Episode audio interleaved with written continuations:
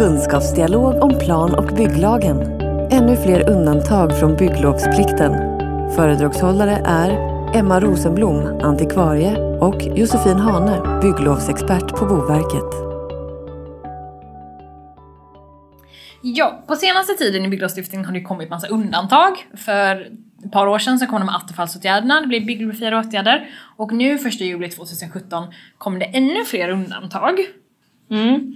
Det var ju bland annat eh, för skyltar, för väderskydd, för eh, Små tillbyggnader. Ja men precis. Och mindre, mindre byggnader på allmän plats.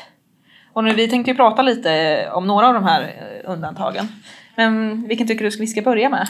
Ja, alltså min favorit är ju fritids, det här undantaget för fritidsbåt, husvagn och husbil. Så jag tycker vi kan börja prata lite med den. Men vad är det där säger? Vad är det som är undantaget där? Ja, då är det ju så att i plan och byggförordningen i sjätte kapitlet så finns det ett, ett krav på att om du har ett upplag, då kräver det bygglov. Anordnar, du ett upplag så krävs det bygglov. Men då har man infört ett undantag från det här. Och då säger det att om du har max två, en husbil, husvagn eller fritidsbåt på din tomt, på en bostadstomt. Eh, och det ska vara säsongskaraktär står det också va? Och då är det liksom undantaget. Det får du göra utan att söka bygglov för upplag. Mm. Och det här är till en och två bostadshus då? Precis, det är bara till en och två bostadshus. Så bor det ett flerbostadshus eller liksom lägenheter och sånt så, så gäller det inte. Ja. Och sen så har vi den här klassiska att det inte får placeras eh, närmare gränsen 4,5 meter om inte grannarna...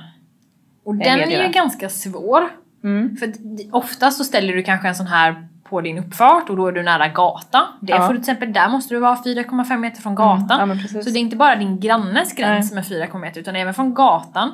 Mm. Och är du närmare gatan, det kan ju vara kommunen som äger gatan och de kan du inte be om medgivande till Mm. exempel.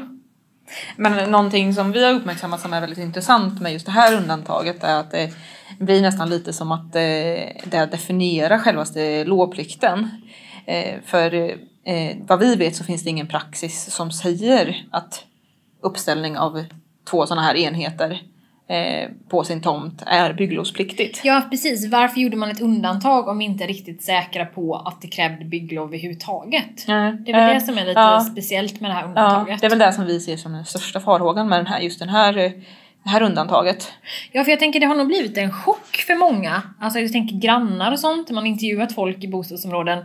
Har ni tänkt på att från och med nu så kräver det inte bygglov att ha två fritidsbåtar på tomten?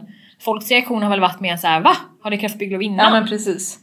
Så det, det är ju, ja, det blir ju väldigt speciellt när det blir som att eh, nästan undantaget definierar Ja, för betyder det här per automatik då att om man ställer tre båtar på sin tomt eller en husvagn, en husbil och en båt, kräver det bygglov direkt då? Ja men det, det gör ju inte det för egentligen kan inte ett undantag definiera lovplikten rent lagtekniskt utan eh, samma lovplikt som gällde innan det här undantaget infördes gäller ju nu för man har ju inte ändrat någonting i huvudregeln.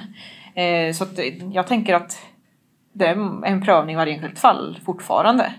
Men det blir väldigt speciellt. Ja, och jag tänker grannar kanske har synpunkter på om det nu står i lagen att du får inte placera närmare gränsen än 4,5 meter och sen har du en granne och jag har ställt den en meter från gränsen. Alltså det kan bli lite pedagogiskt det blir väldigt svårt att förklara det här för grannar också. Och de kanske tänker att nej men nu står det ju närmare gränsen än 4,5 meter. Då kräver det bygglov. Och får du inte bygglov då ska det bort. Det kan Ja. vara svårt för byggnadsnämnderna att förklara det tänker jag. Ja, och det är ju ganska ologiskt i, i sig liksom.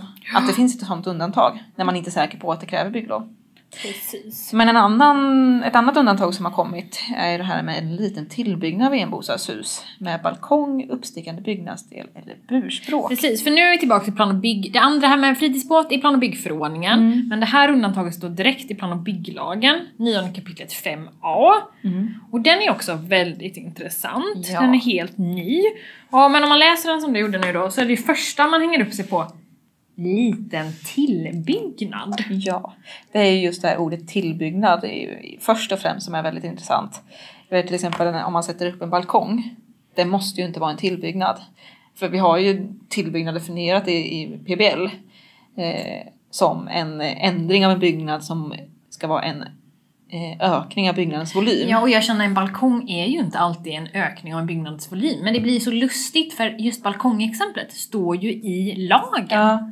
Men det betyder in, alltså inte att alla balkonger som är då små är undantagna från lovplikten. Nej, för de kanske inte alltid är en tillbyggnad. Nej, så precis. ibland kan någon ha byggt, tänkt att ah, men jag ska göra det här lite undantaget, göra en liten tillbyggnad Mm. för en balkong.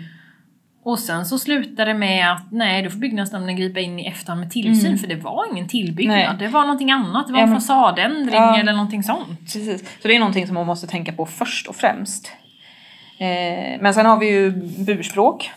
Men den är ganska vanlig. Det är antagligen oftast en tillbyggnad. Ja, det är det ju. Skulle men säga. då kan man ju istället fråga sig vad är ett burspråk? det finns ju inte definierat. Nej, men Det vet inte riktigt. Och den sista exemplet då, balkong, burspråk och sen uppstickande byggnadsdel. I proppen pratar man om skorsten. Ja, Vad säger du om det Josefin? Ja, men det är Det är väl en en sån, tillbyggnad. alltså det är ju en sån sak som inte heller solklart är en tillbyggnad. Tänker jag. Det kanske man ofta ser som en eh, yttre ändring av en byggnad istället. Eh, så den är också lite såhär, ja. Ja, tillför det någon Men det kan vet ju... det ja, men i kan- vissa ja, fall kanske. Ja. Men det måste ju inte alltid vara en tillbyggnad. Utan det, man måste ju, det är ju någonting som man först måste bestämma.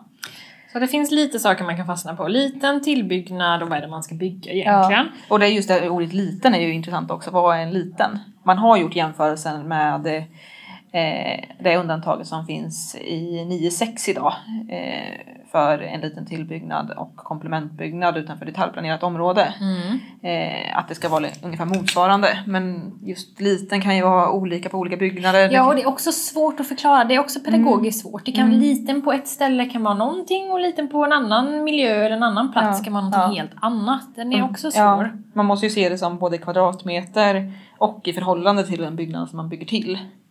Så den, det är också lurigt. Mm.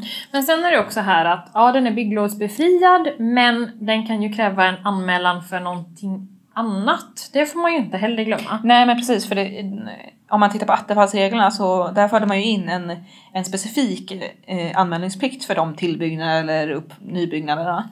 Eh, men i det här fallet har man inte infört någon sån anmälningsplikt. Så då blir det ju... De gamla vanliga Ja, precis. Till exempel om du ändrar brandskyddet eller bärande konstruktion. Då kan du ju kräva en Ja. anmälan, men då är det lite mer indirekt att det kräver Ja. en anmälan istället. Och de här grejerna kommer nog oftast göra det. Men eh, det står inte uttryckligen. så Det blir är lite ju- mer oklart, Ja, det är precis. svårare att förstå Ja, helt enkelt. ja. Men okej, de behöver ingen anmälan direkt men det kan krävas en indirekt. En Ja. annan, du nämnde attefallsåtgärderna, en annan skillnad är ju att de här nya undantagen från 1 juli 2017, till skillnad från attefallsåtgärderna, får inte strida mot detaljplan. Ja, nej men precis. Det är en väldigt stor skillnad. Och det, det är ju sånt som man pratar om med attefallsåtgärderna att eh, nästan den enda skillnaden från innan är att ja men de får strida mot detaljplan. Men resten prövar man mycket samma sak som i bygglovet. Men medan de här blir att ja, men det ska följa precis allt som man ska göra om det kräver bygglov. Ja. Så att eh, Ja, frågan är vad kommer det leda till? Kommer det leda till att det blir enklare eller kommer det leda till att man istället får lägga massa arbete på tillsyn till exempel? ja, det finns ju en risk med det. Ja, och är det fördel för den som har byggt? För det är ju lättare att få liksom en prövning i början än att rätta till någonting som man har byggt fel. Då kan man behöva återställa ganska Ja. mycket. Det är ju väldigt tråkigt. Men det var en. En annan Mm. skillnad man gjorde också i samband med det här, det var ju det här med skyltade ljusanordningar. Ja. Innan var de i samma paragraf i plan och byggförordningen. Nu har skyltar till exempel fått en egen. Ja. Det är en ganska stor skillnad när det gäller det. Ja. Och den allra största skillnaden och den roligaste egentligen är att nu finns det en definition Mm. av skylt. Och det står ju framförallt att en skylt är en skylt i den här definitionen. Exakt, där har Boverket verkligen tänkt till. Ja, eller hur? Men det står ju även lite mer förtydligande vad som är en skylt i den här definitionen. Det står att en skylt är en skylt, eh, en tavla, en bildskärm, en flagga, en ljusprojektion eller liknande med syfte att förmedla reklam, information eller liknande. Precis, det står i första kapitlet i plan och byggförordningen. Där hittar vi definitionen Mm. skylt.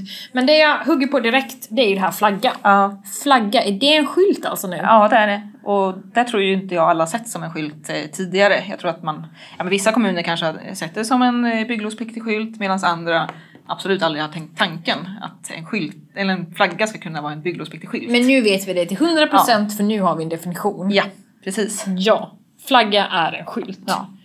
Men eh, om man tittar på paragrafen som sägs så finns det ju vissa undantag också. Mm. Eh, vad har vi för olika saker där? Till exempel har vi storleken. Eh, det är nu reglerat att en skylt vars area är högst en kvadratmeter inte kräver bygglov. Mm, mm, mm. Eh, men det gäller till exempel inte inom 8-13 områden. Just det, 8-13 områden menar vi lite slarvigt att om du bor, eller om de, där du ska sätta upp den här skylten är särskilt värdefullt ur kulturhistoriskt hänsyn eller historiskt, då får du inte göra det. Ja men precis, då, kräver det bygglov. Precis. Det är vi överens om. Ja. ja.